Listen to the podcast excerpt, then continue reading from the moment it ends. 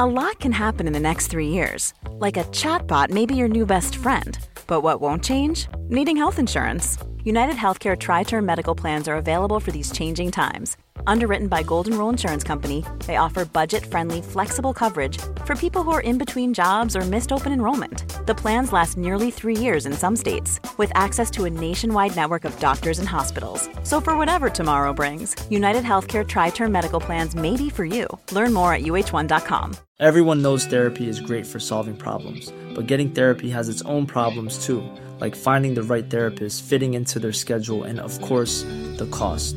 Well, BetterHelp can solve those problems. It's totally online and built around your schedule. It's surprisingly affordable too.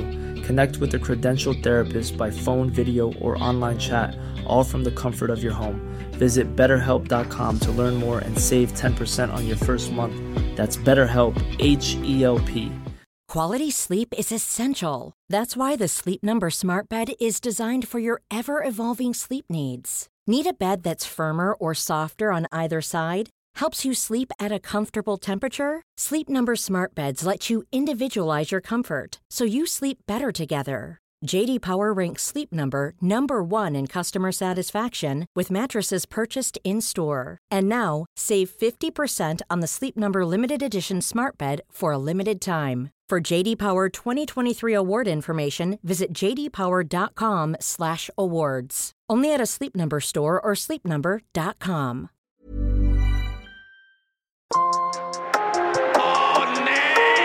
Skärpta straff för olaglig maskering. Läget är tufft. Det var en seger för Malmö FF, men en förlust för svensk fotboll. Sveriges damlandslag i fotboll är nu långt från nu krävs ett smärre mirakel. Det står fyra man ska konfrontera mig med frågor.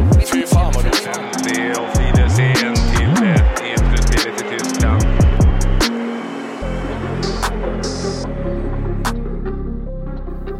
Välkomna till avsnitt två av Blågul framtid om krisen i svensk fotboll. Eh, grunden till det här var att Erik Edman, den gamle landslagsmannen med tre mästerskap och fem eh, titlar i den svenska fotbollen, över tio år utomlands i att spela i Premier League och franska ligan, vände sig till oss på Fotbollskanalen och ja, vi hade diskussioner. Vi ville titta på vad det är fel i svensk fotboll, både på herr och dam och på alla möjliga områden. För du är lite orolig, eller hur? Ja, men eh, framförallt så, så ser vi en trend eh, där eh, det går rasande fort internationellt sett. Vi gör säkert en hel del bra grejer också, men de där ute jobbar i betydligt högre hastighet än vad vi har lyckats åstadkomma här hemma. Avsnitt två. Eh, kolla på den svenska damfotbollen. Det är klart att eh, landslaget som världsetta tog nytt eh, VM-brons i somras. Finns det någon oro där? Ja, man kan ju ändå säga att man för första gången missar OS-plats, ser det ut som. Eh, så att det är väl ändå ett litet tecken. Allsvenskan tappat stort i ranking. Det var länge sedan man vann det. Får man gå 20 år tillbaka nästan när Umeå. Och det är 10 år sedan mer, är mer än 10 år sedan Tyresö var i final. Och jag menar inte heller flicklandslagen och det är ju en allsvenska som kämpar.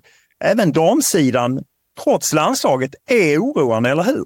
Ja, definitivt. Det är lätt att stirra sig blind på den här Fifa-rankingen som du, som du nämner. Vi börjar tappa Eh, mark på klubblagssidan och det går snabbt nu. Det liknar den problematik som kom i samband med, med Bosmandomen 95 och, och de utmaningarna kommer nu på damsidan också på ett lite annorlunda sätt. Och behöver vi eventuellt nischa oss och inse att bli en, en feeder League som mer eller mindre eh, enbart säljer spelare och förhoppningsvis då kan generera kapital och ändra om eh, eh vårt sätt att se på, på vår egen inhemska liga. Och eh, vi har med oss Stefan Alvén, eh, tidigare spelare och aktiv på herrsidan i Djurgården som nu sedan fem år tillbaka är sportchef för Elitfotboll Dam. Vi har med oss eh, Magnus Wikman som är assisterande i det framgångsrika landslaget. Och så har vi Elisabeth Gunnarsdotter som nu lämnat Kristianstad efter 15 år, men där hon varit framgångsrik och verkligen lyft klubben. Eh, och hon har också ett litet eh, perspektiv utifrån eftersom hon är från Island från början. Så att eh, Blågul framtid om krisen i svensk fotboll. Vi kör måndag, onsdag, fredag och det här är avsnitt två. I takt med att världens största fotbollsklubbar lägger allt mer pengar och resurser på sina damlag så har de svenska klubblagen på damsidan hastigt halkat neråt i näringskedjan. Hos organisationen Elitfotboll Dam är juristen Stefan Alvén sportchef sedan fem år tillbaka. Han har tidigare varit styrelseledamot och sportchef för Djurgårdens herrlag. Nu står Alvén och svensk elitfotboll på damsidan inför stora utmaningar. Ja, men mitt uppdrag ur sportlig synvinkel är ju att uh, utveckla svensk flick uh, damfotboll. Um, och det är ju många saker uh, förstås. Då. Och så utifrån den strategi som svensk fotboll har lagt och utifrån den strategi som då EFD har lagt. Vad jag förstår så har ni en ny strategi som ni håller på att implementera. Och hur, hur styr den ditt arbete? Ja, men den eh, förhåller ju jag mig till förstås och eh, där vi har en ambition att hålla kvar svensk eh, damfotboll på högsta nivå, både vad gäller landslagssidan, där vi ska vara världsledande, vilket vi är idag. Den vill man bibehålla. Eh, och på klubblagsnivå så vill vi eh, till och med förbättra vår Uefa-ranking och vi vill ha en eh, spelarutbildning i världsklass. Så det är ju ambitiösa målsättningar kan jag tycka, när man vet vad som händer i övriga Europa på damfotbollens sida. Men det är det vi, vi jobbar utifrån. Rent konkret, då, vilka åtgärder och vilka förbättringspunkter jobbar ni med och ska ni implementera för att eh, ja, verklig, verkliggöra strategin, så att säga? Ja. Ja, men då har vi gjort en analys och, och konstaterat att vi kommer inte ha samma ekonomiska muskler över tid som eh, de större ligorna ute i Europa. Eh, vi kommer, precis som på här sidan förmodligen bli en säljande liga. Och utifrån det så har vi lagt en strategi och jobbar med eh, hjälpmedel till klubbarna för att bli bättre på just den delen. Eh, att eh, skriva längre kontrakt med talangfulla spelare, att bli bättre i eh, att ta betalt eh, när spelare sen då lockas över till större ligor. Men det bygger ju också på att vi har duktiga spelare att sälja. Så att eh, det grundläggande är ju att vi ska höja nivån på talangerna i Sverige. Så att när talangfulla spelare lämnar vår liga, vilket vi tror kommer hända, så ska vi kunna fylla på det med egenproducerade spelare. Och eh, för att det ska hända så har vi ganska nyligen då startat ett uh, nytt projekt tillsammans med Svenska fotbollsförbundet. Elitprojekt Dam kallas det. Sjösattes, uh, sjösattes i, uh, vid årsskiftet där vi har anställt fyra stycken personer. Eh, Kirsten van den Ven som är projektledare, Magnus Munken Karlsson, eh, Robin Bromé och nu senast Anna Stoltze.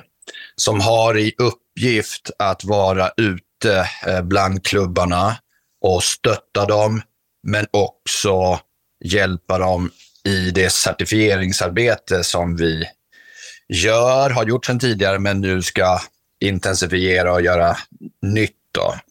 Så att i år så har de jobbat väldigt mycket med att ta fram en ny certifiering och utifrån en omvärldsanalys tagit fram vad tycker vi är viktigt att vi eh, mäter i klubbarna så att vi märker att vi tar den riktning som vi vill utifrån den strategi som vi då har satt. Eh, och sen ska den implementeras i början av nästa år och sen ska vi jobba utifrån den. Och i en förhoppning då att vi kan mäta klubbarnas utvecklingsnivå så att den går i den riktningen som vi vill. Och en särskilt viktig punkt det är att höja utbildningsnivån på tränarna. Och det här är ju inte bara på seniornivå, det här är ju från nio års ålder.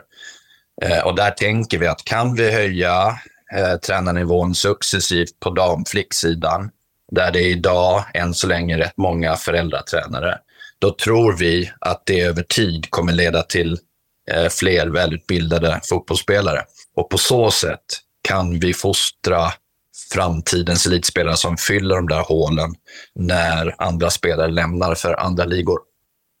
Eh, oerhört ambitiöst som du ju säger eh, och Eh, man undrar lite eh, efter jag menar, det senaste året. Det är tufft för många klubbar. Vi har sett Eskilstuna United, IFK Kalmar, KIF Örebro och så. Eh, var kommer resurserna till en sån här ambitiös satsning ifrån? Ja, men detta är ett samarbete som vi gör tillsammans med Svenska fotbollsförbundet. De ser ju också värdet av en bra ligafotboll, för det är därifrån framtidens landslagsspelare kommer. Sen så kanske de drar vidare till större ligor och sen kommer in i landslaget, men att de får sin fostran i, i svensk fotboll och att den utbildningen är så bra som möjligt, det är, är ju viktigt för Svenska fotbollsförbundet också. Så där eh, har vi äskat medel och fått då medel för det här projektet att kunna anställa de här eh, fyra personerna. Då. Eh, men som också då jobbar med andra saker. Vi behöver utbilda våra klubbar, de som jobbar i klubbarna, ännu mer. Vi har tagit eh, intryck från det som SEF gör, gör något liknande på här pojksidan. Eh, och sen eh, allt det här leder ju till förhoppningsvis att vi får en bättre träningsmiljö. Och parallellt med det då, så tittar vi på vad kan vi göra för att utveckla matchmiljön också. För det är de två sakerna som vi tror är avgörande. En bra träningsmiljö och en bra matchmiljö kan göra att vi då har utvecklingssteg på, eh, på flicksidan så att vi får fram de här talangerna. Det är ju så som du själv är inne på att ni vill upp på Uefa-ranking. Ni har ju fallit. Ni följer till sjätte plats. Förra året, eh, nu är det ju två svenska lag med i eh, Champions Leagues gruppspel, men Tjeckien ligger väl och hotar. Eh, eh, både Tjeckien och, och Sverige tappar väl i och för sig ett riktigt bra år när man går vidare så att säga. Men hur många år tror du att det tar innan man vänder den här trenden? Sverige har ju varit väldigt högt rankat tidigare och eh, har glidit neråt i, i takt med att det satsas mycket ute i Europa. Och eh, vad, vad talar för att, eller när vänder det? Ja, men, eh, det är klart att det här är en långsiktig satsning, så det är ingen quick fix. Men den är också hållbar, tror vi. Om vi kan få klubbar som över tid jobbar mer och mer professionellt så kommer vi eh, att kunna hålla vår position och så något år så blir det väl bättre och något år blir det sämre. Eh, men vi kan ju redan se idag att svensk flickfotboll står sig väl jämfört med andra länder när det gäller landslagsfotbollen. Eh, vårt F19-landslag tog sig ju faktiskt till semifinal i, i somras och förlorade mot de som vann Spanien. Eh, så att eh, vi tycker ändå att i en jämförelse med andra länder så står vi oss än så länge väl. Eh, så att det är väl eh, ett eh, mått, eller en, ett nyckeltal som man kan följa och se som ändå visar att vi, vi tappar inte så mycket. Men sen är det väl snarare så att ja, men det finns ju ligor som vi känner tar väldigt snabba utvecklingssteg. Eh, till exempel Portugal som tidigare var en nation som man kunde avfärda ganska snabbt på landslagsnivå och sådär. Men i, nu och, och, allt mer framöver då kommer ta steg, tror vi. Jag var nere och tittade på FC Rosengårds Champions League-match mot eh, Benfica förra året, var väl ungefär ett år sedan, på hemmaplan där. Och ja, men då var det en nivåskillnad och tyvärr till Benficas fördel. Så att jag var inne på det. Jag var inne, ja, förlåt Stefan, jag var inne på det också. Både Portugal och Holland är ju eh, på här sidan säljande länder som, som, som har gjort det otroligt bra ekonomiskt på här sidan. Man ser ju samma tendenser på damsidan. Det är även, du nämner Portugal som är på stark frammarsch, eh, men även Holland gör det jättebra. Vad är det rent konkret de gör eh, på damsidan som du ser har gjort att de har tagit steg? Ja, men när vi har pratat med vissa klubbar så eh, pekar de på några saker. Att de tränar lika mycket och de bästa lagen på flicksidan tränar med eh, pojklag. Eh, och de har samma metod i deras eh, utbildning av fotbollsspelare. Och det här tycker jag att vi kan ta till oss också. Jag tycker att vi försöker göra det också. Att eh, ja, men Det är klart att vi ska ge samma förutsättningar för de som vill bli väldigt duktiga damfotbollsspelare i Sverige också. Jag tycker att vi har förutsättningarna för det också. eh, vad gäller träningstider, vad gäller eh, resurser när det gäller att utbilda tränare på flicksidan. Eh, ja, men allting med stöttapparat, eh, runt lag eh, och så vidare. och så vidare. Så att, eh, jag, jag, tycker att vi tar steg där. Vi ser ju det i den certifiering som vi eh, redan har idag. Då. Att eh, sakta men säkert så blir det, blir det bättre. Samtidigt som klubbarna där ute eh, ropar på hjälp när det gäller ekonomiska resurser. Det är vi medvetna om också. Eh, om man ser till att ni har gjort skiften i, i serien. Jag menar, det är ett par år sedan eh, allsvenskan gick från 12 till 14 lag. Eh, nu i höst har det pratats om en nordisk liga eh, där man liksom ska få lite matcher vid sidan av. Vad, är det man, vad har man uppnått med att ut, utöka allsvenskan och vad vill man uppnå med att kanske skapa en nordisk liga? Ja, Nordisk liga är ju verkligen i sin linda, så där får man väl se om det ens är genomförbart. Eh, precis som på här sidan så är ju eh, matchkalendern fulltecknad för många lag och många spelare. Det är både landslag och det är Champions League, där jag har hört att man tittar på en utökning av själva tävlingsformatet. Så att, eh, får vi se vad den tar vägen, den här tanken som har kommit från Norge. Vad gäller alltså utöka Champions League då, eller vill man lägga till en ytterligare cupturnering? På här sidan finns ju numera tre, så att säga. Eller vill man utöka gruppspelet? Jag, jag, jag tror man tittar på båda sakerna, om jag har förstått det rätt. Eh, det, det jag jobbar främst med, det är ju att spetsa eh, tävlingsformaten och matchmiljön på flicksidan. Eh, och en viktig turnering, eller tävling, är eh, Flickor 17. Det finns en nationell F17-serie som eh, i dagsläget är en helt öppen nationell serie. Så vem som helst som vill får anmäla sig och vara med i den där. Och det har lett till att det är väldigt stor skillnad på kvalitet på matcherna och lagen som är med där. Eh, EFD-klubbarna som nu börjar likna akademier även på flicksidan vinner med väldigt stora siffror mot eh, andra lag. Då. Så där har vi jobbat hårt en tid och nu ligger det ett förslag till eh, representantskapsmötet i november att göra om det tävlingsformatet så att vi bildar en F17 allsvenska. Och i det förslaget som ligger då att det ska vara två seriegrupper av 14 lag.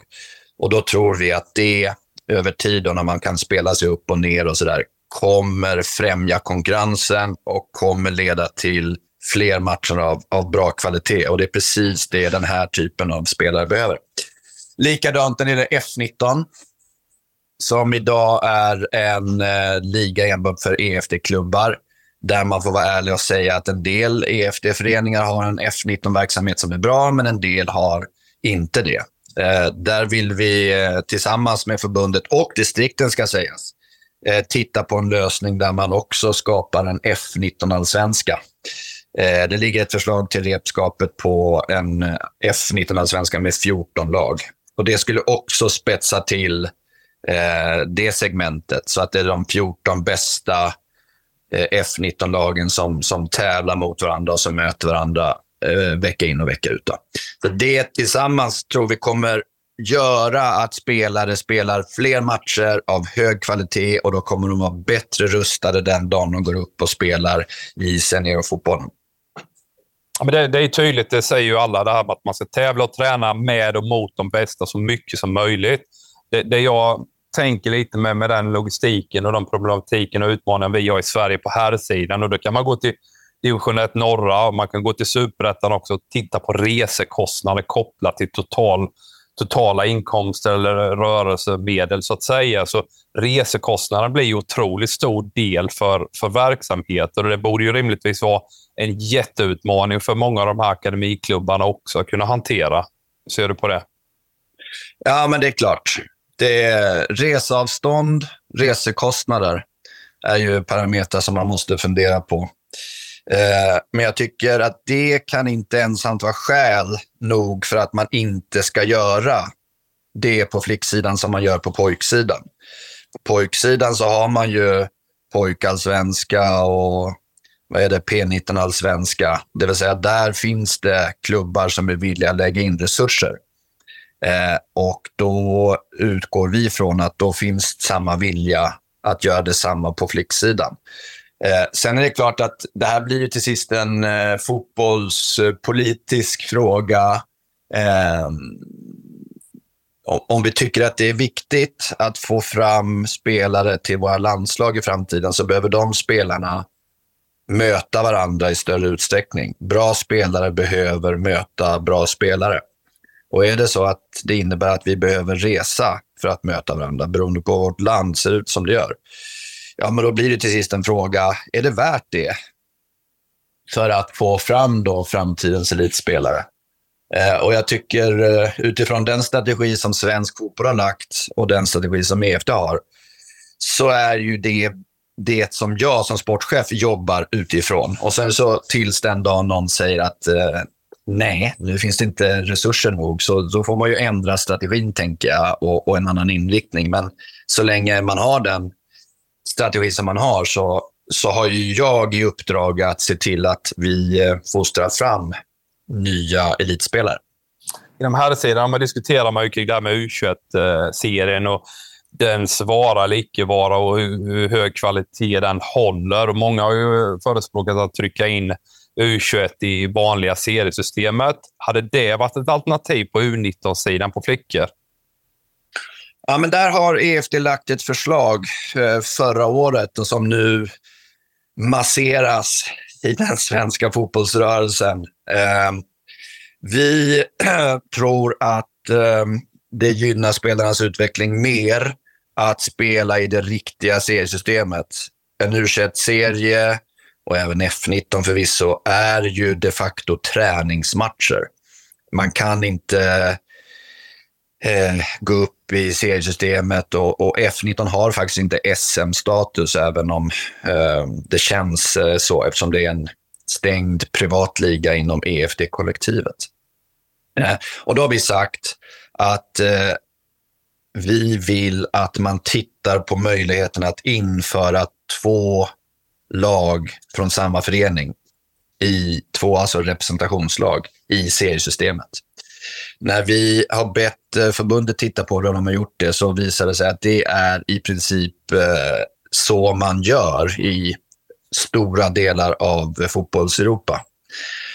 Eh, det vi har i Sverige istället är ju något så här föreningssamarbete. Man får låna ut fyra utespelare, en målvakt om de är professionella till eh, föreningar i underliggande divisioner. Eh, och, och det andra som har kommit fram i kölvattnet av ja, hur det är i svensk fotboll är ju att klubbar helt faktiskt bildar en ny förening, så kallade klonföreningar. BK Häck Häcken på damsidan är ett tydligt exempel där deras klonförening faktiskt har spelat i elitettan i år. FC Rosengård har ett liknande i division 1. Hammarby på herrsidan har ju sitt HTFF. Det systemet har, har liksom fötts fram i Sverige. Och när man tittar lite på det där så kan man ifrågasätta om det verkligen stämmer överens med Fifas regler om oberoende för där finns det ju, man får inte ha third party ownership och det ska vara oberoende. Och här är det ju rätt tydligt att det är en förening som styr en annan förening. Och eh, kan då se till att spelare går dit eller inte. Och så. Eh, då tycker jag, eller då tycker EFD, då är det bättre för att, jag ska säga att det här med föreningssamarbete ifrågasätts också från Fifas håll. Eh, det finns exempel på att spelare som då har lånats ut under våren har inte fått lov att sättas upp på If you thought the only way to get a more defined jawline with natural looking results was through surgery, think again. Juvederm Volux XC is a non surgical injectable gel filler that improves moderate to severe loss of jawline definition and can help you achieve natural looking results with little downtime. Even better, this improved definition lasts up to one year with optimal treatment. No maintenance required. Improve jawline definition for a smooth, sculpted look with Juvederm Volux XC. For important safety information and to find a licensed specialist, visit juvederm.com. That's J U V E D E R M.com. Not for people with severe allergic reactions, allergies to lidocaine, or the proteins used in Juvederm. Common side effects include injection site redness, swelling, pain, tenderness, firmness, lumps, bumps, bruising, discoloration, or itching. There's a risk of unintentional injection into a blood vessel, which can cause vision abnormalities, blindness, stroke, temporary scabs, or scarring. Talk to a licensed specialist to find out if it's right for you. Hi, I'm Daniel, founder of Pretty Litter. Cats and cat owners deserve better than any old fashioned litter. That's why I teamed up with scientists and veterinarians to create Pretty Litter. Its innovative crystal formula has superior odor control and weighs up to 80% less than clay litter. Pretty Litter even monitors health by changing colors to help detect early signs of potential illness. It's the world's smartest kitty litter. Go to prettylitter.com and use code ACAST for 20% off your first order and a free cat toy. Terms and conditions apply. See site for details. Burrow's furniture is built for the way you live. From ensuring easy assembly and disassembly to honoring highly requested new colors for their award winning seating, they always have their customers in mind. Their modular seating is made out of durable materials to last and grow with you. And with Burrow, you always get fast, free shipping. Get up to 60% off during Burrow's Memorial Day sale at burrow.com slash ACAST. That's burrow.com slash ACAST. burrow.com slash ACAST. Den så kallade A-listan när man spelar Europacupspel på hösten. Eh, det har varit på här sidan. Jag vet att det har funnits eh, risker på det. På damsidan har man inte vågat göra det. För att man då har representerat flera föreningar, vilket man inte får. Ja, men då verkar det som att vi har ett system i Sverige, både med de här föreningssamarbetena och klonföreningar, som kan vara i strid med fotbollens regelverk. Och jag tänker att det är väl rimligt att anta att svensk fotboll ska ha regler som inte är i strid med Fifas regler. Och, och ett, ett sätt att lösa det här på, det är att införa eh, farmarlag, eller vad man ska kalla det för. Eh, det vill säga två representationslag som får delta i seriesystemet. Och där har vi sagt, då, för vi förstår att det tidigare varit uppe och det har funnits kritik, då har vi sagt att ja, då får vi, för att det ska finnas sportslig rättvisa, så att inte ena veckan så kommer man med eh, A-lagsspelare och andra veckan kommer man med A-lagsspelare. Då får man precis som när man spelar Europacup-spel sätta upp spelare på en lista som alla i serien då vet. Det är de här spelarna som man kan representera den här, det här andra laget eh, med. Och så kan man göra skiftningar kanske mitt under säsongen, under sommaren och sådär.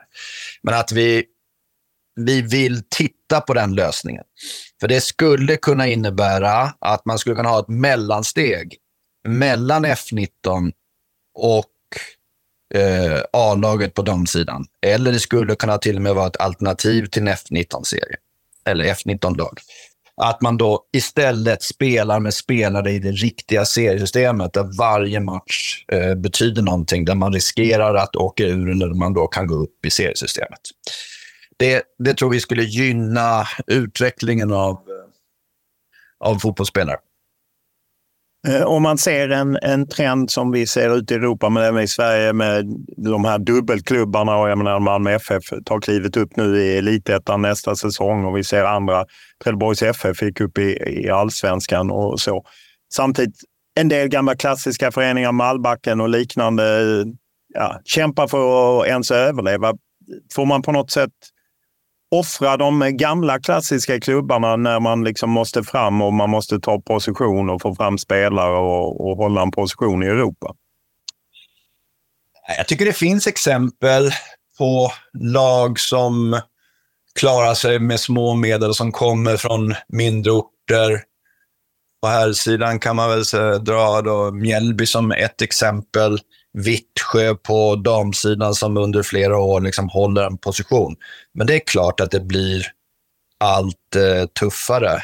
Och eh, elitidrotten är obarmhärtig.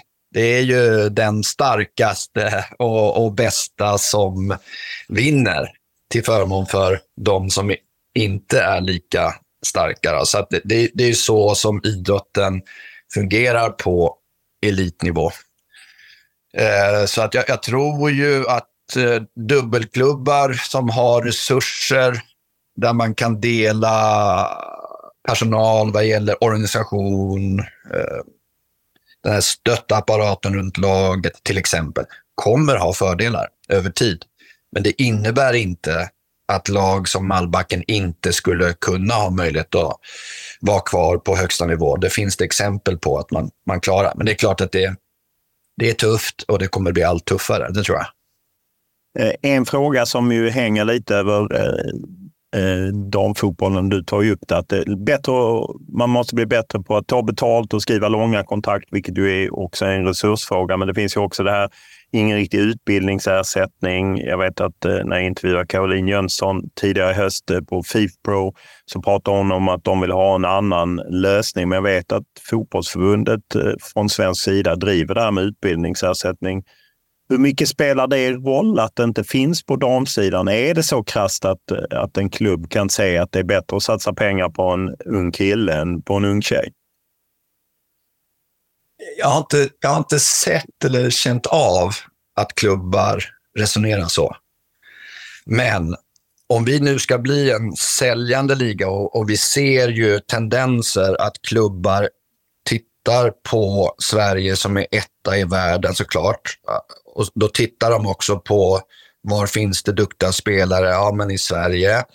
Eh, det finns ju en risk att man då tar spelare från Sverige i allt yngre åldrar. Och eh, i allt yngre åldrar så kanske man inte har ett kontrakt. Ja, då går man som amatör. På pojksidan så får man då en utbildningsersättning, men än så länge på damsidan så finns inte den möjligheten. Så det är en risk för svensk fotboll som vi har påtalat och, och som eh, Svenska fotbollsförbundet eh, driver. Då. Om vi inte ska ha ett utbildningsersättningssystem likt här sidan så måste vi ha någon typ av system som gör det, eh, ska man säga, att man får tillbaka någonting för den utbildning som man har bedrivit eh, och fått fram unga, unga talanger. Så den, den är viktig för en liga som Sverige där vi tror att vi kommer bli en eh, talangfabriksliga eh, i större utsträckning där vi behöver och se till att vi får ersättning för de spelare som lämnar. Sverige är som sagt eh, världsetta eh, och eh, på landslagsnivå och så. Du pratar om det finns framgångar även på, på flicksidan. Om du blickar fem år framåt, är du orolig eller känner du stort förtroende för svensk damfotboll att man kan hålla den här positionen? Jag tror vi är i ett vägskäl i många avseenden där vi, vi har möjligheter att eh, tillsammans med Svenska fotbollsförbundet och tillsammans med fotbollsrörelsen göra ännu bättre saker. För man får ju ändå eh, så att säga, klappa sig på axeln när, när man ser alltså, ett litet land som ligger etta i världen just nu. Då. Så att vi gör ju bra saker alldeles uppenbart inom svensk fotboll. Jag tycker man många gånger hör att eh, saker och ting inte fungerar och sådär. Det finns ju säkert saker som ständigt kan bli bättre, så är det ju.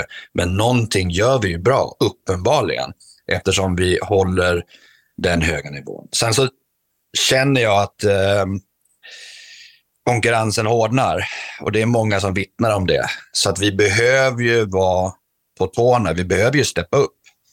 Eh, och, och, det tycker jag vi har sett här för något år sedan och, och, och agerade när vi nu har sjösatt det här eh, elitprojektet.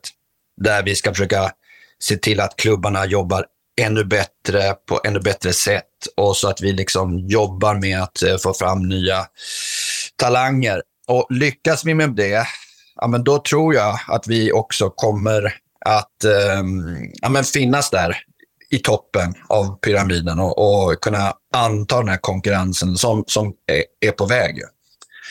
Men det bygger ju på att vi, vi jobbar tillsammans. Det tycker jag ändå är svensk fotbolls styrka när vi gör det. Förbunden, distrikten, elitorganisationerna, intresseorganisationerna. Eh, det finns ju tendenser där man vill splittra den enheten om man ska gå eh, var och en för sig. Och jag tror inte vi kommer tjäna på det. Jag tror att eh, i det landet vi befinner oss i, både geografiskt och, och strukturellt, så får vi ut mest om vi jobbar tillsammans och tar, drar nytta av de kunskaper och kompetenser som finns. Hur länge kan Sverige befinna sig i det här vägskälet innan man behöver ha valt en väg? Ja, men jag, jag tror elitfotboll, oavsett om det är här eller på damsidan, är i behov av ekonomiska resurser för att kunna göra de saker som man vill. Och jag upplever att vi har en rimlig ska man säga, kunskap, kännedom om vad vi tror att vi behöver göra för att möta konkurrensen. Men allt känner vi i dagsläget kan vi inte göra, för vi har inte resurserna.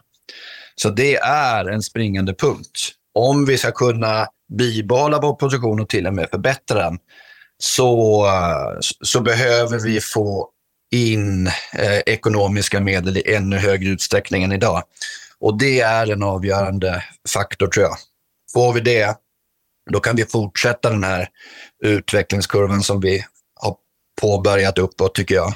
Får vi inte det, det är klart att vi får, vi får göra det så bra som möjligt med de medel vi har, men det blir inte lika enkelt. Och, och när vi då tävlar i en konkurrens med andra ligor med helt andra resurser, då, då kan det bli tufft. Så att, eh, det där är ju någonting som svensk fotboll måste resonera kring. Eh, och, och, man måste ta ett beslut om vilken riktning som är viktig.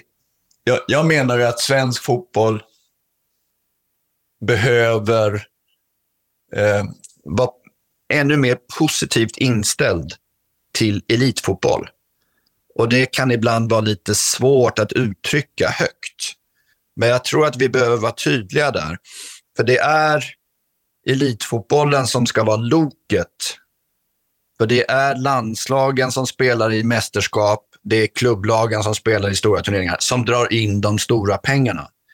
Eh, och det är med de pengarna från landslag och stora mästerskap som vi kan sen idrottspolitiskt fördela ut i den svenska fotbollen så att vi också tillgodoser andra behov som är minst lika viktiga. Men jag tror man måste förstå eh, den viktiga roll som elitfotbollen spelar. Du pratar om pengar och just eh, inkomster kring mästerskap som öka på damsidan. Finns det något annat? Än, du, du nämnde också eh, spelarförsäljningar. Finns det något annat eh, sätt att hämta pengar någonstans där, där det ligger pengar att hämta, så att säga? Ja, men de två faktorerna som du pekar på är ju, är ju jätteviktiga. Eh, ju mer pengar det kommer in i damfotbollen, desto viktigare blir det att eh, kunna ta del av det. Och går vi långt i eh, de stora mästerskapen så, så får vi ta del av det. Är vi med i Champions League, helst med tre lag, eh, då får vi också del av de pengarna som finns där. Eh, det andra är ju spelarförsäljningar. Alltså ju mer pengar det kommer in i systemet, vi ser ju nu de större ligorna är beredda att betala betydligt större belopp för damfotbollsspelare än bara för några år sedan. Och det här är en trend som jag tror kommer att fortsätta, kommer att öka. Så där är det viktigt att vi jobbar med att skriva längre kontrakt med talangfulla spelare, vara duktiga att sälja, likt Danmark på här sidan till exempel. Eh, så. Men sen tror jag också att eh, med en förbättrad spelarutbildning så kommer vi få fram bättre spelare överlag. Det vill säga spelare som har de kvaliteter som man tycker är roliga att titta på när man går och tittar på fotboll. Eh, jag tycker man kan se toppmatcherna i Åbos damallsvenskan idag. Håller hög kvalitet. Det är bra aktioner, det är hög fart, bra högteknisk eh, nivå på utförarna. Det är klart att det blir en ännu roligare produkt, vad man ska kalla det för, att titta på. Och blir det en mer attraktiv produkt så kommer det generera eh, större publik och det kommer generera eh, samarbetspartner, företag som vill liera sig med den produkten. Så att eh, det tror jag också gör att i, i framtiden så ser man damfotbollen som en plattform som man gärna vill vara med i eh, och vara delaktig i. Både ur sportslig synvinkel, att det är en produkt som lockar tittare och det är bra för den sakens skull. Men också eh, de företag som jobbar med jämställdhet mot sina kunder, mot sin personal, att inte sponsra damfotbollen kommer bli allt mer ifrågasättande tror jag. Eh, om man bara eh, sponsrar herridrotter. Jag, jag tror inte det kommer hålla i längden. I ett modernt samhälle som vi vill vara i Sverige så känns det, tror jag, mer och mer naturligt att sponsra både här och damfotbollen. Och det är klart att där finns det ju saker att göra. Eh, så att eh, ju fler som inser det, inser värdet att eh, vara med och bidra till ett samhälle eller bidra till damidrott och, och damfotbollen då i synnerhet, kommer ju, det, det, kommer ju leda till att vi får in ännu, ännu mer resurser som gör att vi kan bli ännu bättre. Peter Gerhardssons högra hand i landslaget, Magnus Wikman, har haft en nyckelposition i blågult sedan 2017. Under den perioden har damlandslaget tagit två VM-brons och ett OS-silver. Men den här hösten har det gått sämre med svaga insatser i Nations League och man ser ut att missa nästa OS. Nej, kris är ett starkt ord överhuvudtaget och i det här fallet så är det väl verkligen inte det. Utan, eh, det är väl bra utan att veta vad vi är på någon ranking nästa gång. Men att svensk damfotboll är bra och står sig bra, det får jag väl ändå säga att vi är. Nu ser det ut att det blir eh, svårt att nå OS. Det var ju ett tufft eh, kval det här med Nations League och, och med både poängtapp mot Spanien och eh, mot Italien så kanske det, ja, ni får svårt att vinna gruppen och därmed inget OS. Vad skulle det betyda att inte vara med i OS för första gången sedan det kom på OS-programmet 96? Det är ju fortfarande som sagt en stor turnering på, på damsidan, så det är klart att det är, en, det är många bra matcher och en erfarenhet för oss. Och såklart största stimulansen för många tror jag, spelare och ledare är väl kanske i landslag är mästerskap. Så det är väl det tuffa såklart. Men konkurrensen med landslagsfotbollen är ju väldigt stor. Så att, eh, det är klart att, att missa ett för första blir inget bra, men samtidigt som det är inte kanske så konstigt heller att eh, det är svårt att bli bland de två, två bästa, om man får säga så, europeiska lagen. Det är som att gå till en EM-final här för att, för att ta sig dit. Så att, eh, den konkurrensen får man också räkna med att eh, den är svår att eh, slå sig fram in. Eh, om du ser på eh, det att ni gör ju bra resultat. Ni har ju tagit medalj i, i tre av fyra mästerskap som ni har lett och som sagt rankade som världsetta. Samtidigt om man tittar på truppen och laget som ibland spelar, lite äldre spelare. Hur ser det ut yngre generationer? För ni har ju ett par framgångsrika ungdomslandslag som ni baserar laget på. Ja, men så är det ju. Och det senaste ändå, vad säger framgångsrika, kanske inte vann, men med F19 förra året så är det någon, eh, några med lite nu och kommer säkert vara fler framöver. Och vårt U23-landslag som nu kan man säga blir som som det gänget vi använder oss mest av, eh, där vi också får fem överåriga, eh, gör bra, ser resultat mot stornationer, om man får kalla det det. Så det visar sig ändå att vi, att vi kan spela jämnt och bra mot de flesta nationerna i världen, även där på U23 och till viss del även i F19. Eh, det är ju ingen liksom, hemlighet att konkurrensen ökar. Ju fler länder satsar och vi ser i stora eh, fotbollsländer att klubbar satsar. Och, Spaniens eh, frammarsch eh, är ju rätt snabb egentligen till, från det att de var med första gången i VM 2015 till att de vann eh, eh, nu senast. Hur, hur tycker du det påverkar Sveriges position? Yes, alltså, det blir alltid lite tudelat. Vi, vi vi blir bättre i Sverige så märkt tycker jag. Alltså det är väldigt många på tjejsidan så kommer kanske lite efter på killsidan gällande med, med bra utbildningsmiljöer och sådana saker. Men det visar sig att det kommer fler och fler duktiga tjejer eh, som är välutbildade eller mer välutbildade kanske. Än, fler som är mer välutbildade än tidigare. Samtidigt som de andra länderna, det är fler länder som blir bra. De länderna blir också bra, landslagen. Så indirekt så kanske vi blir sämre förhållandevis till dem, men vi blir bättre. Så det är väl så med konkurrensen. Och det, Sveriges damlandslag har legat långt fram i den begynnelsen, eftersom man var en av de första länderna. Och, eh, det betyder på, både på klubb och landslag att, att länder kommer vara lite upp och ner, eller lag är lite upp och ner. Eh, och så kommer säkert svenska damlandslag också vara. Att, eh, man inte kanske tar medalj i varje mästerskap, men det kommer inte betyda att, att det går sämre, utan det blir säkert bättre ändå. Eh, men det är, det är många länder som är bra och eh, vi har ju såklart våra fördelar och våra nackdelar i vårt land med, eh, som vi måste både utnyttja och försöka få till det som inte är lika bra som andra länder.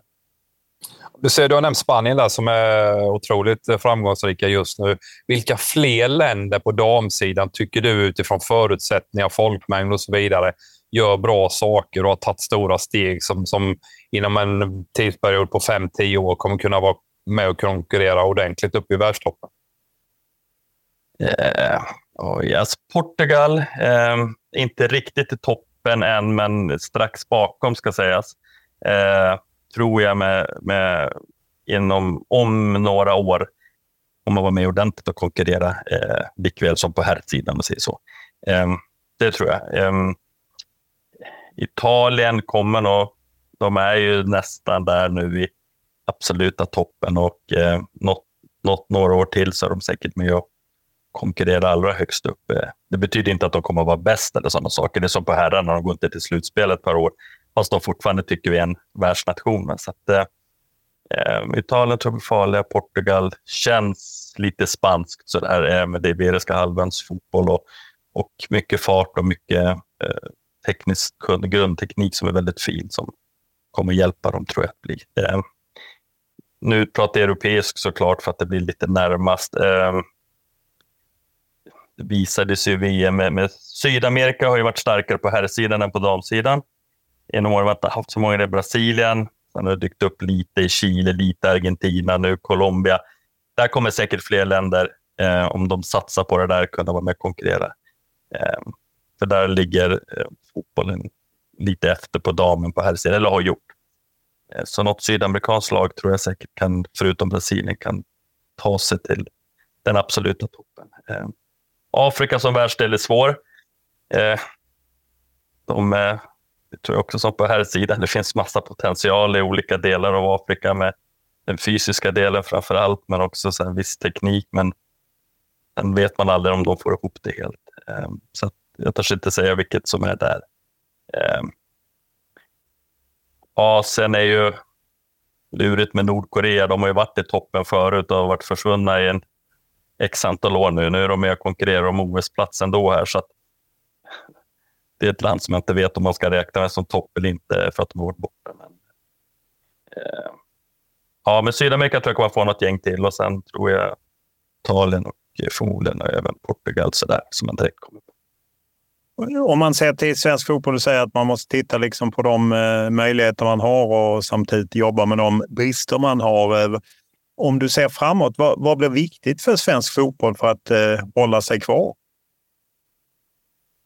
Eh, ja, vi, de har väl, jag är väl ingen som kommer på något nytt, men, men eh, det är klart att anläggningsfrågan är väl en sak så där med utifrån klimatet vi har och möjligheter till att träna för tjejerna som i många år har stått tillbaka lite för killar med, med både tränare och planer och sådana saker. Så att, eh, ju mer tillgänglighet så tror jag kommer såklart öka. Eh, matchmiljöerna. Eh, sidan har kommit lite längre då med en P19 allsvenska, så två P17 och eh, flickorna med två F19 med många F17. Så det är en ekonomisk fråga att kunna spela mot bra matcher i, i de här åldrarna från säg 15 år och eh, innan också såklart, men det tror jag är lättare. Eh, men eh, det tror jag är en nyckel att försöka knäcka. Att få bra faciliteter eller möjlighet att träna och bra matcher. Ehm, där tror jag, jag är inte personen som kan lösa det, men det tror jag är en viktig fråga. Eh, man jobbar ju också med certifiering, även för Svensk Elitfotboll som är herrarnas intresseorganisation kommit längre så jobbar ju EFD också i den riktningen. Vad, vad, tror, det du, vad tror du det betyder att man jobbar med certifiering av ver verksamheten? Jag tror att det är väldigt bra, framförallt att man som klubb få ta del eller sätta sig in lite så här, vad, vad gör vi egentligen? Eh, vad har vi för resurser och hur använder vi våra resurser? Får vi någon effekt på det hela? För det handlar ändå om det i slutändan. Det, certifieringen syns det ändå vilka som blir elitfotbollsspelare eller om man når landslag, utlandsproffs eller allsvenskan. Och, och sen utbilda spelare. Det är ändå där det handlar om. Så att, jag tror man kan se över sin egen verksamhet bra på det. Och så är det i svensk fotboll. Det är fler och fler som utbildar sig till tränare. Vi har fler och fler tjejer nu på tränarlyftet som blir tjej, tränare. Och, och det tror jag är en bra förutsättning, välutbildade. Sen gäller det att få effekten där ute. Att, att kunna träna rätt ålder, att ha kunskaper för att kunna utbilda spelare. För det handlar om, fotboll handlar ändå om att utbilda individer i, i, i ett lagspel som fotboll.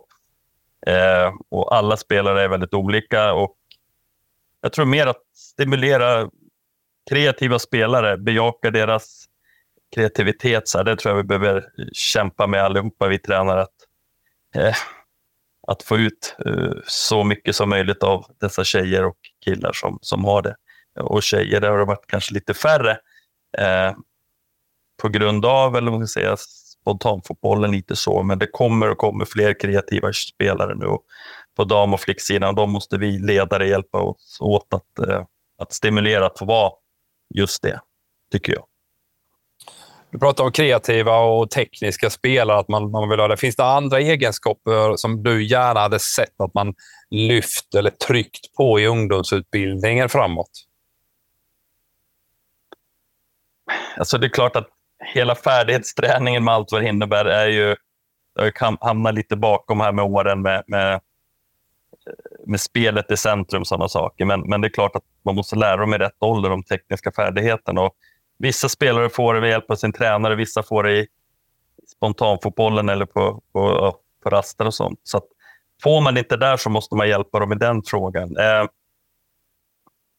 Fysiskt, fysiskt är en väldigt stor fråga. Både det är många egenskaper som den fysiska kapaciteten är, men generellt så tycker jag att där, nu tittar på damsidan, de är många som tränar mycket och de är väldigt måna om att ta hand om sina kroppar och, och, och bra resultat i allt sånt där. Så att eh, där jag är och det jag ser så tror jag mer att det är lite den kreativa delen. Eh, det är lätt att fotbollen i Sverige har varit väldigt lagsport och väldigt kollektiv och väldigt laget. Eh, det kommer fler och fler tjejer. Eh, vissa med, som Sverige blivit mångkulturellt så kommer det fler och fler tjejer faktiskt som börjar eh, spela fotboll med annan kanske bakgrund eller utlandsfödda föräldrar och sånt. Som, men också svenska tjejer som är födda i Sverige eller deras föräldrar med som, som har en kreativitet i sig. de, de gäller tror jag att vi får fram för att kunna utmana de andra länderna. Um,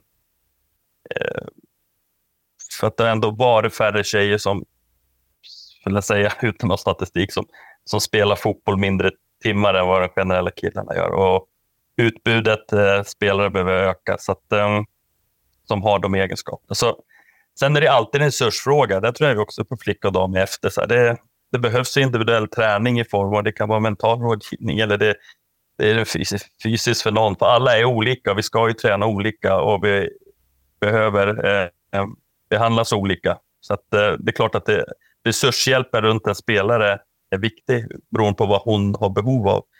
Eh, jag tror killarna som sagt var främst i stora akademierna eller storklubbarna med akademier har de resurserna som kanske inte lika många eh, flickor har möjlighet till. Hur ska man nå ut till ja, men, för att få mer mångfald på planen. Det ser vi ju på killsidan så att säga, men ser inte alls på samma sätt på tjejsidan eller i, ända upp i landslaget. Ja, det är säkert några som jobbar hårt med det där och försöker. Och det, eh, ibland är det ju kulturellt så att det från, från familjer och sånt inte är att uppmuntras kanske till att du ska spela fotboll så långt upp i åldern som, som tjej för att du, som, gentemot killar. Och, eh, men vi måste också ta hand om de som vill spela och eh, låta dem vara den de är och utnyttja deras styrkor framför allt som personer, som spelare. Så att, eh, jag vill inte svara egentligen hur, men, men att vi måste göra det och försöka få dem att vilja börja spela fotboll och framförallt hålla kvar dem och tycka det är roligt när de är på plats. För att glädjen till, till spelet som barn är ju är ändå nyckeln till att fortsätta. Eh, och då måste vi såklart eh, hjälpa dem att hitta, hitta sig själv i våran fotboll. Eh, men eh, jag, är, jag är för dålig för, och insatt för att säga eh, exakt det. Du har ju själv varit aktiv i, i allsvenskan. Den har ju tappat i, i eh, ranking. Det är ju på något sätt en av få sätt man kan mäta kvaliteten. Att i, i Europa tror jag den är sexa nu. Vad betyder det för svensk fotboll, kanske för ditt och Peter Gerhardssons jobb? Ja, eh, att det har blivit kanske inte så konstigt. Förut var det kanske liga ett nästan ett tag när alla, alla världsstjärnor var här, men naturligt så är de någon annanstans. För oss, om man tittar egoistiskt på oss och damlandslaget så är det såklart spelare som eh, spelar i bra miljöer. Och om det är utomlands istället för Sverige, det, jag säga, det spelar inte oss någon roll. Eh, utan är andra ligor bättre och spelar där så är det bra för oss. Eh, sen är det väl som alltid i allsvenskan, vad, vad det blir för liga. Blir det en an, ja, missförstå mig rätt, blir en andra sortering på utländska spelare kontra våra svenska tjejer så klart att jag önskar att de inte tar plats av, av svenska tjejer på det sättet. Eh, om de inte är riktigt bra. Så att det inte sitter på spelare 10, 11, 12, 13, 14 är utländska. Så här, utan då önskar jag såklart att det är svenska. Men eh, det är ju såklart, är de tillräckligt bra för att spela? Det, det handlar om utbildning allting och det handlar om att utbilda spelare, som jag sa, utbilda individer. Inte lag i ungdom och, och barn, utan då är det individer för att kunna spela i lagspelet. Hade du gärna sett ett regelverk som gjorde att man på något sätt prioriterade unga svenska spelare i allsvenskan just så att de inte blir utslagna av utländska spelare som kanske inte är av samma höga kvalitet som det var när Marta och andra var i allsvenskan? Jag tror inte nu, eh, jag tror inte att vi än behöver vara där, för jag tror fortfarande att det, de får spela många. Eh, det är klart att det alltid finns unga andra som kan spela, men jag tror ändå kvaliteten på de kvalitativa svenska tjejerna får spela mycket just nu eh, fortfarande. Och, eh, många av de bättre lagen har mycket svenska tjejer. Så att, eh, det tror jag inte än, men det kanske skulle bli om det skulle gå längre och vi får fram fler. Men vi behöver få fram fler. Om utbudet bra spelare ökar så är det klart att, att toppen kommer öka för oss också, möjligheten med landslagsspel. Eh, om eh, unga spelare plötsligt blir attraktiva för eh, att gå utomlands, hur, ser du på det? Eller hade du hellre sett att de stannade i allsvenskan några år innan och gick ut kanske som färdiga spelare? så, så individuellt. Eh, vem det är och eh, var det är någonstans de ska. Så där. Får, de, får de spela en klubb utomlands som är, har en bättre miljö för dem än i Sverige så är, har jag inget emot den frågan. Eh, sen är det såklart alltid om de får spela eller inte. Och, eh, och det, så, men eh, allsvenskan i år har varit väldigt bra för oss med en jämnare eh, damallsvenskan har varit genom jag vet inte om det är alla tider tänkte jag säga, men väldigt lång tid. Alltså, det är många lag som har varit med upp och det är ju bra i form av att det blir jämna matcher och alla matcher blir svårare, vare sig kanske toppen och sänks. Men nu har vi två Champions League-lag och det är i gruppspel och det är ju också en, väldigt viktigt för oss att de här tjejerna som spelar de två lagen, de får minst sex eh, väldigt bra matcher, får man säga. Så att, eh, ja. Är det värt sex bra matcher även om man kommer därifrån rätt eh eh, ja, resultatlösa. Men när Häcken var i Champions League-gruppspel hade de det ju rätt tufft. Man kan missa, det är ju väldigt tuffa lottningar bägge lagen har fått. Mm. Men är det ändå värt att de får spela matcherna trots att de kanske får stryk i de flesta? Ja, alltså egoistiskt för, i min roll som assistent för till damlandslaget så tycker jag absolut ja.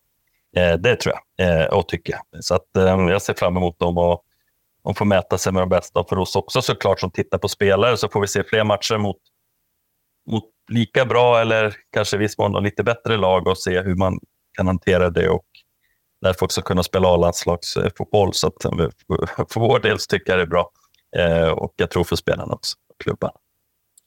Ni har ju som sagt varit lyckosamma i väldigt många mästerskap. Nu väntar ett troligtvis nästa mästerskap eh, för svensk del är, som man kan sikta på är ju då EM i Schweiz 2025 och sen är det ett VM. Man vet inte var vi går 2027. Vad är, tror du att svensk damfotboll och landslaget är då till 2025 och 2027? Eh, ja, jag tror, att, jag tror att vi, det är vi då, eh, som Sverige, det är inte säkert att, att vi är jag i alla fall 2027. Eh, kommer att vara med där och konkurrera någon form, absolut. Sen eh, som det är med i världsfotbollen på landslag och klubblag, det är inget lag som är i toppen hela tiden, utan det går lite cyklar upp och ner. Så att, eh, jag har många tycker jag, spännande spelare här som jag hoppas kan ta nästa steg och, och, och ge oss eh, ett, höja oss ett snäpp till och sådär. Så att eh, jag tror att vi är med. Jag tror vi är med och konkurrerar framöver. Sen om det är medalj eller om det är, om man säger så här, men, men topp 8-form då, det kan ju bli 1 till 8. Det, det tror jag. Men som sagt, du vet marginalerna i VM senast, vi hade kunnat åka ut mot USA. Eh, eller vi var väl i stort sett ur många gånger om. Eh, och då hade det varit något annat och sen blir man trea, då är det jättebra. Så det, det är jämnt, så det, det vet man aldrig. Ja, behöver vi som följer landslaget kalibrera om lite för att inse att A. Det är små marginaler. B. Konkurrensen ökar och man kanske ändå får vara nöjd med att åka i, i, tidigare om man möter ett riktigt bra lag. Ja, lite. Inte kanske nöjda så, men räkna med att, att det är så. Alltså det är som sagt, jag sa, det är klubblagsfotbollen i, i herr och, och dam och landslagsfotbollen. Det, det är några lag som alltid är toppen, men det, man får lite upp och ner. Men ner kanske inte betyder att du inte går till slutspel i vårt fall, utan ner kan det vara att eh, det skulle kunna bli så att man inte är med ända framme något mästerskap eller, eller några. Men, men att vi kommer med i topp top 10-formen så här ett tag framöver, det tror jag. Eh, vi säger så då, kvartsfinaler och åttonde kvartsfinal så där, absolut. Men, men det kommer att vara i, i VM så kommer det vara runt 10-12 lag, minst som det är nu i alla fall, som absolut kan vinna. Eh, så har det väl kanske varit i, i herran också ett tag. Eh, det är väl första mästerskapet nu kan jag känna. Det här VMet vi var i, det så många länder är, är bra, eller så bra att man kan vinna faktiskt. Eh, så att det, det, tror jag. Man måste räkna med att det är ingen garanti för medaljer och inte att det är dåligt för svensk damfotboll om man inte tar medaljer. Men att vi är bra nog att kunna konkurrera om det i någon form, det kan man både kräva och tro. Få kan damallsvenskan och den svenska klubbfotbollens utveckling lika bra som den isländska tränaren Elisabeth Gunnarsdottir. I hela 15 år har hon huserat i Kristianstads DFF och bland annat lett laget till en tredjeplats i den högsta serien och spel i Champions League. Det finns klubbar som mår väldigt bra idag och sen finns det klubbar som mår väldigt dåligt. Vilka är det som har eh, större utmaningar? Vad, vad är det för svårigheter de stöter på? Det är nog eh, enkelklubbarna tror jag, de som har enbart eh, flickor och damverksamhet. Eh, och kanske framförallt de klubbarna som är i de mindre städerna. Vad är deras svårighet? Ja, svårigheten är nog att jag tror en del av de klubbarna har ingen eller liten ungdomsverksamhet. Och eh, jag tror om man ska titta in i framtiden ska man överleva som en singelklubb som inte har herrarna någonstans bakom sig så behöver man ha oerhört stark eh, ungdomsverksamhet och spelare som kommer underifrån. Och har man inte det så tror jag det kommer bli svårt att överleva. Eh, du har jobbat i, i Kristianstad i, i 15 år och har varit med liksom på något sätt när allsvenskan var kanske världens bästa liga eller en av världens bästa liga. Nu är den plötsligt liksom tappar i, Europa, femma, sexa. Vad är det som händer? Är det bara singelklubbar eller finns det några andra mekanismer som bidrar till att svensk eh, damfotboll, ligan, tappar? Så det är svårt att säga. Det är ju, konkurrensen är ju eh, enorm nu. Det, det kommer ju upp nya ligor överallt. Och det innebär ju att det kommer fler lag med pengar. Och min, min känsla är att det blir svårare och svårare att värva de här absoluta topparna. Eh, vad gäller spelare kanske i, i, mellan 20 och 30. Det är ju lättare att värva dem när de är yngre. Men eh, ja, konkurrens skulle jag vilja säga att det är kanske den största utmaningen. Internationellt, vilka ser du som framgångsländer eller länder som på kort sikt eller de senaste tio åren har gjort framsteg? Ja, England är ju de som kanske har hoppat högst och snabbast. Absolut. Och, och det kommer ju på grund av att kulturen finns ju på här sidan. Och eh, det är väldigt lätt att att starta ett nytt damlag i England och, och få in peng, inte bara pengar utan så får man ju in den här kulturen att eh, publiken börjar bli väldigt stor redan nu på de stora klubbarna. Så Italien kommer ju i hög fart. Spanien också.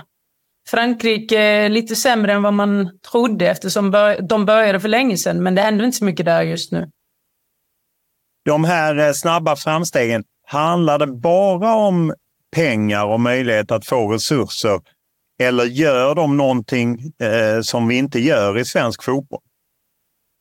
Publik ser jag som det största problemet. Och, och det ser jag som problem även för de stora klubbarna i Sverige. Hammarby är ju ett, ett undantag. Hammarby är ju ett unikt fall av fantastisk publik.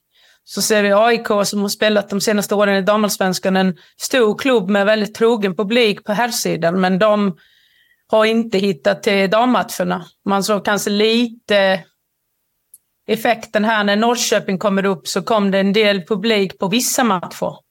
Och uh, där kommer nog att vara en utmaning också. Hur ska vi hitta den här svenska publiken som, som vill komma till uh, riktigt bra damallsvenska matcher oavsett om vi pratar mindre eller större klubbar? Eh, hur ska man se på Malmö FF och andra klubbar som ju också rusar upp genom seriesystemet och där ju Malmö FF faktiskt kan vara allsvenskt 2025. Är det bara positivt eller finns det några faror med det? Jag väljer nog att se det mesta positivt i det. Jag tycker att det är otroligt viktigt att vi får in publik och, och lite större varumärke i, i damfotbollen. Det får vi med de här klubbarna. Det ser vi nu med Hammarby och jag tror att det gör lite eko ute i världen att det är så mycket publik på Hammarbys matcher. Och när de kommer spela Champions League nästa år och förhoppningsvis ta sig långt med en fullsatt arena. Det är ju detta som gör att intresset växer för att komma till Sverige och spela. Så jag, jag tror nog på lång sikt att detta kommer att vara väldigt bra för serien. Ja, får man på något sätt acceptera, som man ju ser i andra länder, att eh, Doncaster Bells kanske, som var en större klubb i England, eh, tynar bort, eller Turbine Potsdam i Tyskland. Får man på något sätt köpa att, att den, det är utvecklingen? Nu kommer de här dubbelklubbarna och så kommer det bli i Sverige också. Absolut. Eh, jag tror att de mindre klubbarna kan ju hänga kvar ett tag till och man får hitta sin egen, egen väg för att lyckas inom det här, i det stora havet som det börjar bli. Och gör man inte det så kommer det att dö ut väldigt snabbt. Allsvenskan har gått från 12 till 14 lag. Har det varit positivt för ligan? Det tycker jag absolut. Jag Vad har det tillfört? Ja, men jag tycker att eh, nu har jag varit där 15 år och och många, precis som du sa innan, att, att serien var bättre förr och det, det, tycker jag egentligen inte. Utan jag tycker kanske att det var större profil och de absolut bästa lagen gjorde det ju bättre i Europa. Och så här. Men, men de profilerna fanns ju inte i alla lag. Och, och då var den väldigt tvådelad serien, kanske till och med tredelat. Nu är den ju, och då var det var två, tre lag som tillhörde toppen. Att vi har sju lag som har tagit över 45 poäng tror jag i år är ju unikt i, i världen vill jag säga. Och, och det har nog blivit så med fler lag, eh, större konkurrens och, och vi mindre klubbar har ju gjort allt vad vi kan för att jaga de stora. För att eh, det är de som har varit de förebilderna för oss andra. Vi har ju två svenska klubblag med Champions League i år. Samtidigt Eh, häcken överraskade i sin premiär. Eh, Rosengård förlorade och i Rosengård hörde jag Caroline Seger sa kanske sista gången man är med eh, i och med att det rusar ifrån. Vad, vad, betyder det att Sverige kan hänga med i Champions League och faktiskt få med lag i, i klubblagen? Eller i gruppspelet? Alltså ja, det betyder ju allt för, för svensk eh, fotboll. För, och överraskade Häcken, det vet du inte. Jag, jag tror faktiskt att vi ska också se oss som en av de bättre nationerna. Vi är ju vi är etta i Fifa-rankningen. Vi har, vi har gjort det väldigt bra om man tittar historiskt sett tillbaka. För mig var Häckens seger ingen överraskning och det hade inte överraskat mig om Rosengård hade slått Frankfurt. Och jag tycker det är viktigt att eh, vi som verkar inom damfotbollen ska vara duktiga på att tala om för omvärlden att det är inga överraskningar utan det är någonting vi ska förvänta oss från oss själva. Att vi ska kunna stå emot de här lagen. Det tycker jag att vi kan.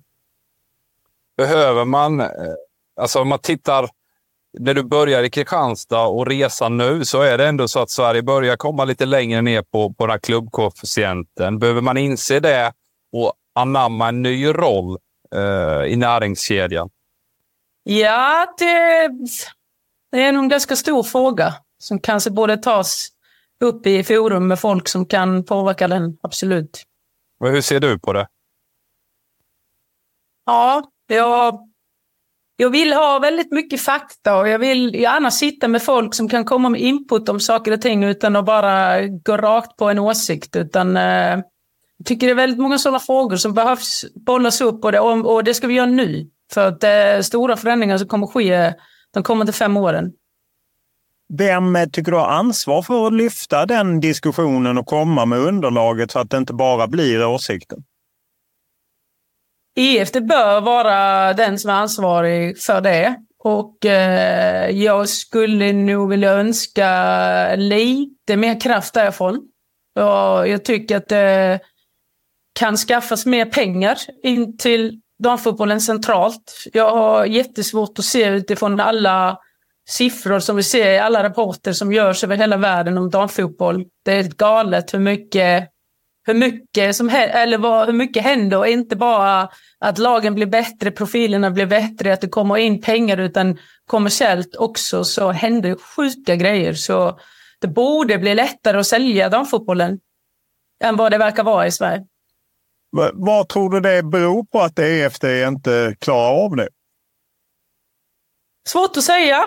Det kanske eh, ska komma stöd från Svenska fotbollsförbundet också.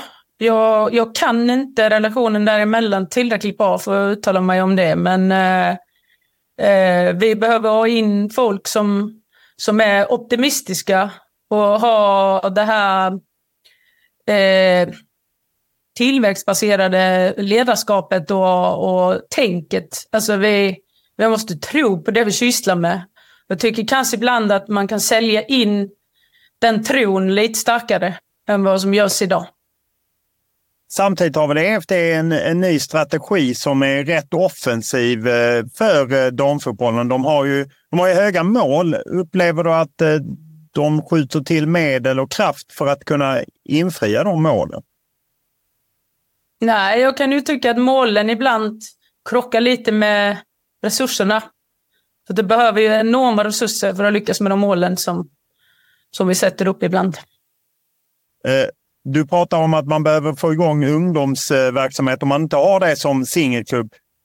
I svensk fotboll så kanske man på damsidan blir lite lidande av det, att det inte finns något riktigt bra system för utbildningsersättning som finns på här sidan. Om det är nu det finns ju de som inte tycker det är bra heller, men på något sätt att man, det är inte garanterat att man får tillbaka pengarna man investerar.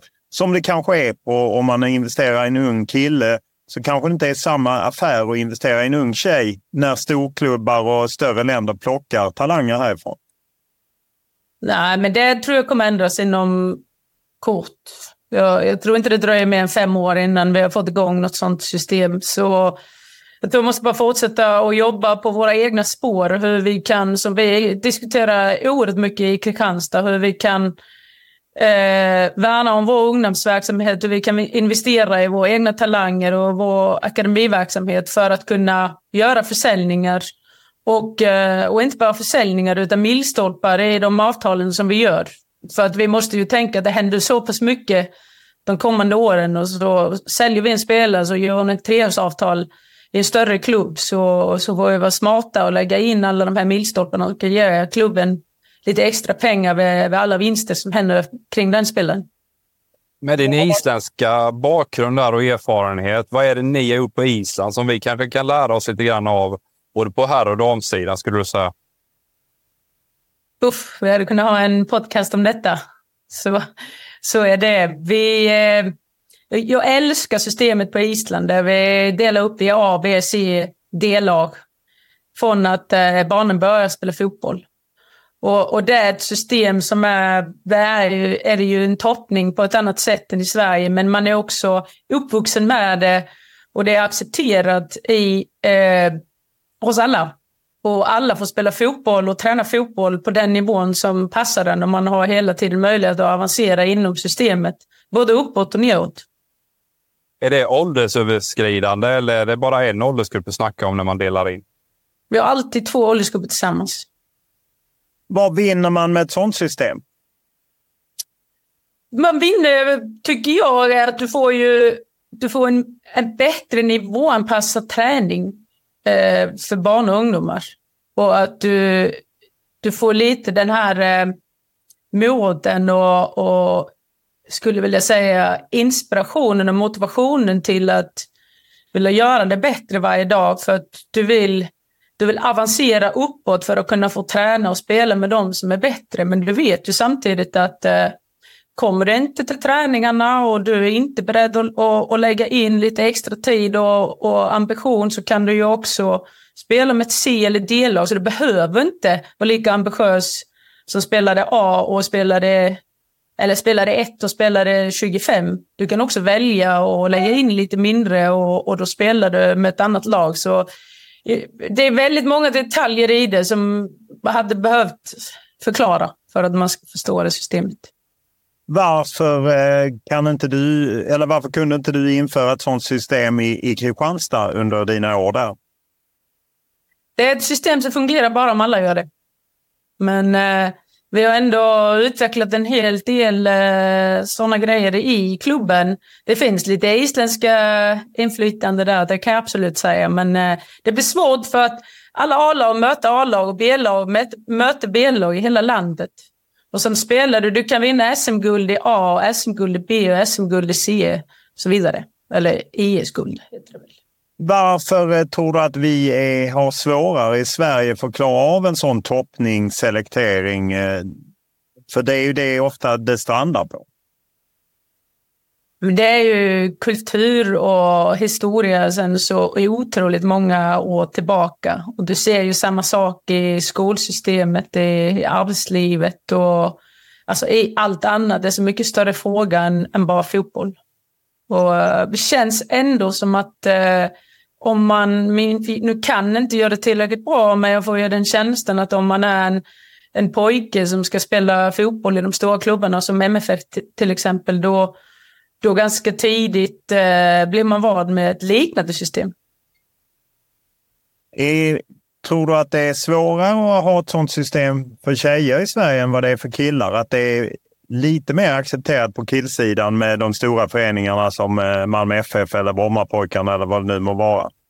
Absolut, tror jag det. Vad finns det att vinna på mer eh, certifiering eh, på EF? Det har inte kommit lika långt med akademier och den typen av verksamhet som man har gjort på som svensk elitfotboll har gjort på här Hur mycket behöver man växa, växla upp det? Jag tror man behöver växla upp det väldigt mycket. Och, och det här med spelarutbildningsplan är ju inte bara en klichéfråga eh, eh, som, som så många tycker att det är. En spelarutbildningsplan kan ju göra enorm skillnad för en spelare från att man börjar spela fotboll tills man är uppe i ett A-lag eller uppe i akademilagen. Och eh, jag vet inom damfotbollen att det är alldeles för lite använt verktyg. Hur mycket tränar eh, unga svenska tjejer idag? Är det tillräckligt? Nej, det tycker jag inte. Det är nu också stora skillnader mellan Island och Sverige att det är för få träningar. Och jag har ju under mina 15 år fått ta ofta den här diskussionen att ja, men jag tränar handboll också två dagar i veckan så då räcker det två dagar i veckan med fotboll. Och, och det är för mig en gåta. hur Man kan tycka att fyra träningar i veckan är, är för mycket för en tioåring eller en tolvåring. När vi var tio år så, så kanske tränade man bara fyra dagar i veckan, men då sprang man ut och lekte alla möjliga lekar och spelade fotboll och då var det ingen som kallade in en från gården för att man hade sprungit för mycket den dagen. Utan eh, det ska snarare vara tvärtom, att man skulle haft mycket, mycket fler organiserade träningar för att jobba upp de timmarna där barnen inte leker längre. Jag pratade med någon som eh, sa att man eh, på här sidan gärna rekryterar isländska spelare för de är bättre atleter. Upplever du samma eh, på damsidan att man just på Island kanske blir bättre atleter än vad man är i Sverige. Kanske beroende då på att man inte tränar tillräckligt mycket. Absolut, det tycker jag. Det är ju stor skillnad, framförallt om man tittar på spelare i åldern 16 till 20. De har tränat eh, mycket mer än vad, vad spelare i den åldern har gjort i Sverige. det är ju också ett system som är annorlunda där. Det är att där kör bussar överallt och hämtar barnen på skolan och så kör man dem till idrottsplatserna. Så de som har sin organiserade idrott i klubbarna på fritidstiden. Så de kan ju också vara hemma och äta middag med familjen när många andra barn i den åldern i, i Sverige tränar. Så jag tror att systemet, totala systemet är så välfungerande att det är inga problem att, att träna idrott måndag till fredag. Och hänga i klubbhuset är någonting som är också väldigt kulturellt på Island. Att man hänger i klubbhuset efter skolan. Och helst tills föräldrarna har jobbat. Man vill inte bli hämtad för tidigt. Om du hade tittat framåt, för du säger ju själv att vi behöver den här debatten. Det kommer hända väldigt mycket de närmaste åren. Vad skulle för dig vara de viktigaste sakerna för EFD och Svenska Fotbollförbundet att ta tag i så att de inte om 5-10 år säger varför gjorde vi ingenting? Vad, vad är nycklarna för att svensk eh, damfotboll ska hänga med i utvecklingen och kanske till och med bli bättre? Eh, jag skulle vilja ha en mycket, mycket starkare resurser och då pratar jag ekonomiska resurser. Vi, vi behöver ha in centrala medel som kan hjälpa alla att vara med alltså grundligt en klubb som uh, Vittsjö som senast var ute med och ropade på hjälp ekonomiskt ska egentligen inte behöva vara där om centrala medel är tillräckligt bra så kan man ju ha en grundläggande verksamhet som kan konkurrera i den högsta serien. Men sen om man vill ligga i den absoluta toppen så är det givetvis ekonomiska resurser som kommer, kommer behöva komma inifrån från klubbarna. Det tycker jag är, är nummer ett. Och eh, sen behöver vi någonstans jobba med matsevenemanget lite mer centralt. Om jag skulle jämföra med NWSL eh, som ett exempel, amerikanska damligan. Där finns ju ingen liga som jobbar lika systematiskt och eh, kreativt med matsevenemanget. Det gick ju från att vara en idrott som var inte populär i USA till att vara kanske den mest populära idrotten i, idag, det är damfotboll. Och där jobbar ju ja, deras IFD väldigt mycket med marknadsföringen av profiler och, och ligan i stort.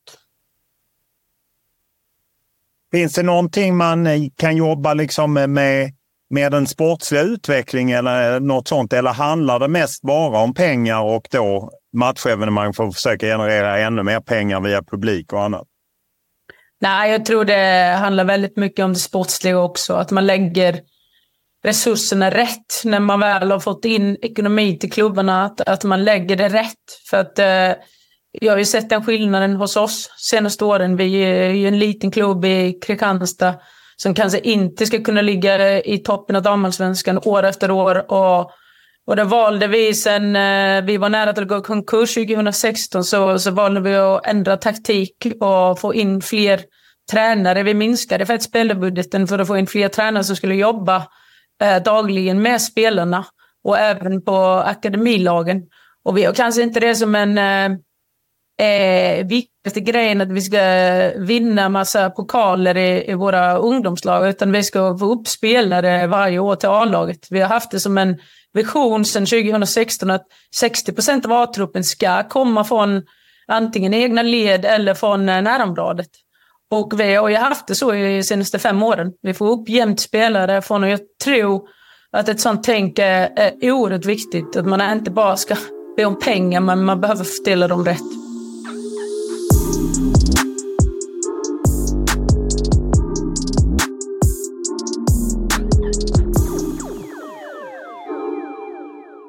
Ja, Erik, eh, då har vi lyssnat igenom eh, både Stefan Alvén, Magnus Wikman och eh, Elisabeth Gunnarsdotter. Och jag fastnar ju lite på det att både Stefan Alvén och Elisabeth Gunnarsdotter är på något sätt bägge inne på att peka på det här att, att vi inte vågar riktigt prata om elitfotboll och vara positiva elitfotboll som Stefan Alvén pratade om och, och Gunnarsdotter pratade om att det, på Island är man liksom mycket tydligare med det där. Att hon sa att det är inte samhällsgrej. Är det det som är, är det ett problem vi har i svensk fotboll? Vi vågar inte kalla saker för vad de är.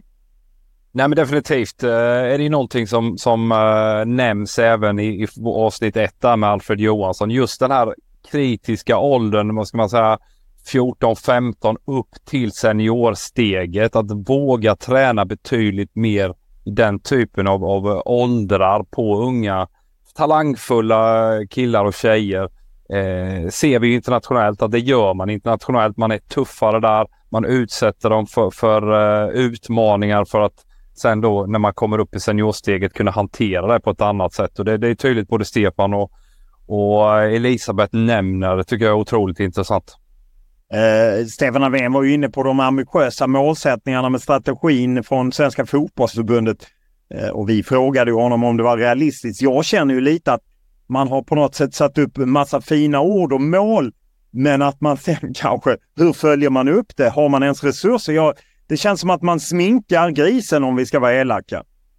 Ja, just, just visioner och målsättningar det är ju ofta otroligt lätt att sätta på ett papper och sen så ska man följa upp det. Det är som du säger, det är lätt att man, man eh, Eh, mest känner sig lurad i efterhand. Men summera det här om 10-15 år. Hur, många har vi kunnat verklig, verkligställa och verkliggöra så att säga. Och just det här med resurser nämner ju eh, både Elisabeth och, och Stefan otroligt mycket. Kommer vi kunna få den typen av, av eh, pengar som, som kan eh, förverkliga de visionerna? Det, det ställer man sig extremt frågande till med tanke på ett ekonomiskt tufft läge för hela eh, ja, Sverige just nu. Eh, om man lyfter lite positiva är ju som Stefan Alfvén är inne på, höja tränarnivån, färre föräldratränare, att det kan ha en effekt. Och han är också inne på, som jag vet är lite något du brinner för, det här seriespelet. De bästa ska möta varandra, att man har olika försöker se över sättet F17, F19, allsvenska, kanske ska lag in i det riktiga seriespelet. Kan det vara viktiga drag för att höja nivån?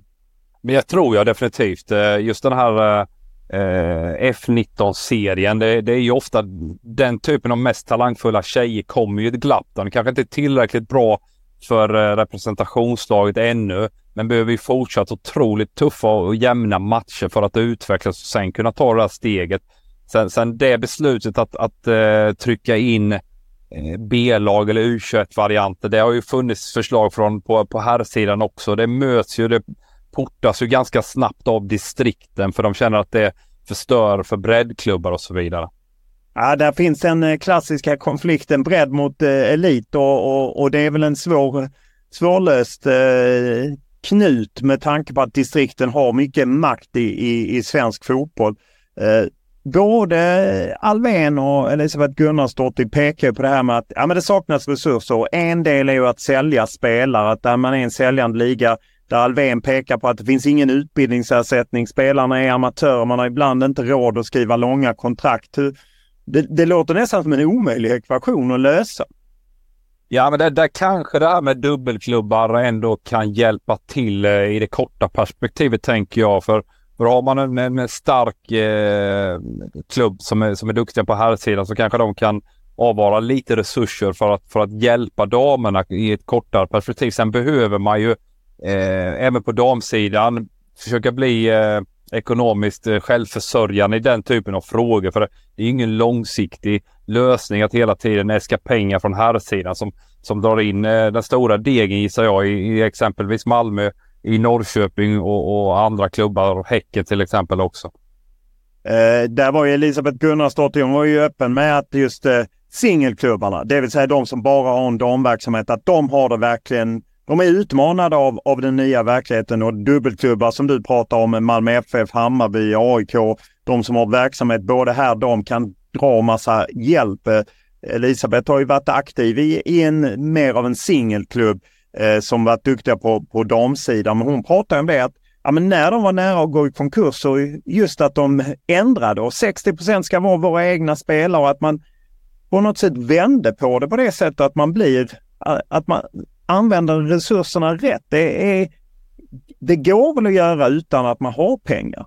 Ja, men det tyckte jag var extremt intressant eh, det Elisabeth sa där. Där har de ju valt att nischa sig mot att eh, bli en talangfabrik kan man väl säga då, Kristianstad. Och se det som sitt sätt att kunna konkurrera.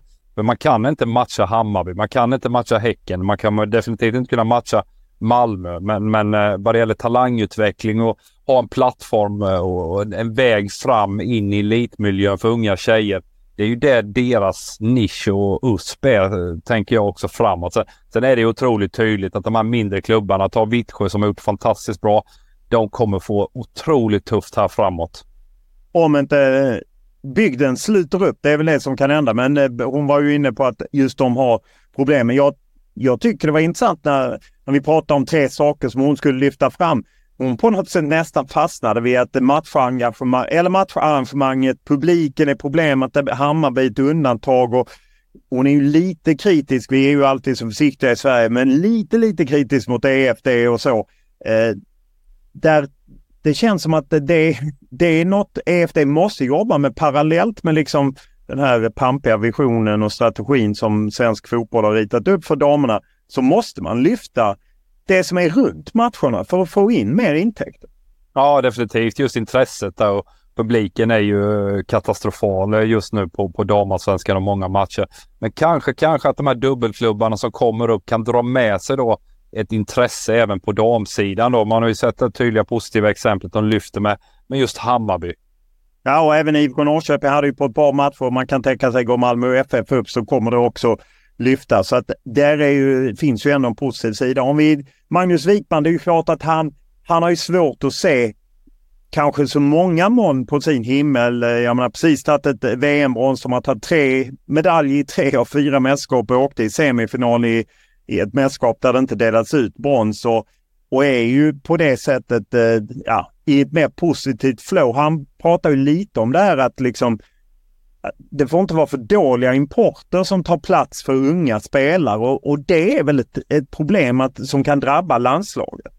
Ja definitivt. Eh, plockar man in eh, utlänningar som, som, som stoppar upp så är det klart att det är otroligt negativt för, för, för landslaget på sikt. Men det, det skulle man ju mycket väl kunna införa eh, vissa typer av regler för gäller ersättningar och sånt som, som gör att man, man tar in de allra bästa om man kan nå dem. Sen har jag svårt att se det att ekonomiskt kan vi inte matcha de här engelska eh, ligan kanske och, och Spanien på sikt också. Så det, är väl, det är väl på ett sätt för landslagets del positivt att vi kan trycka fram ännu mer unga tjejer som är duktiga det han lyfter också, det är just det här med kreativiteten. Att vi, vi, vi är duktiga eller blir bättre på att se eh, unga tjejer som kanske fysiskt är lite efter men, men har den här eh, tekniska förmågan, kreativiteten, att man med bättre utbildade tränare även kan, kan låta ge plats åt den typen av eh, talang kan man väl säga. Så att man inte bara blir kortsiktig i sitt tänk som ungdomstränare att man ska vinna en match utan även kan se då de här som på sikt kan, kan verkligen göra skillnad i matcher. Ja, eh, utan tvekan är det ju så att eh, landslaget kanske inte har så många moln på himlen just nu. Även om man missat OS får vi flika in att det är väldigt svårt att gå till OS. Det finns ju bara två platser i Europa i och med att Frankrike som arrangör av OS i Paris tar en. Så man får ju vara ärlig där att det är ju ett tufft mål. Eh, om nu Sverige då inte klarar det ser så ut. Annars är, kan vi vara lite oroliga men det finns sätt att, att ta efter. Och, eh, kul om ni lyssnar och eh, blågul framtid om krisen i svensk fotboll. Har ni frågor, tankar eller någonting inspel? Bara höra av er. Enklast är att mejla mig olof.lund.tv4.se och eh, som sagt, nya avsnitt måndag, onsdag, fredag och det är lätt att gå tillbaka och lyssna på gamla avsnitt och vi kör på ett antal veckor.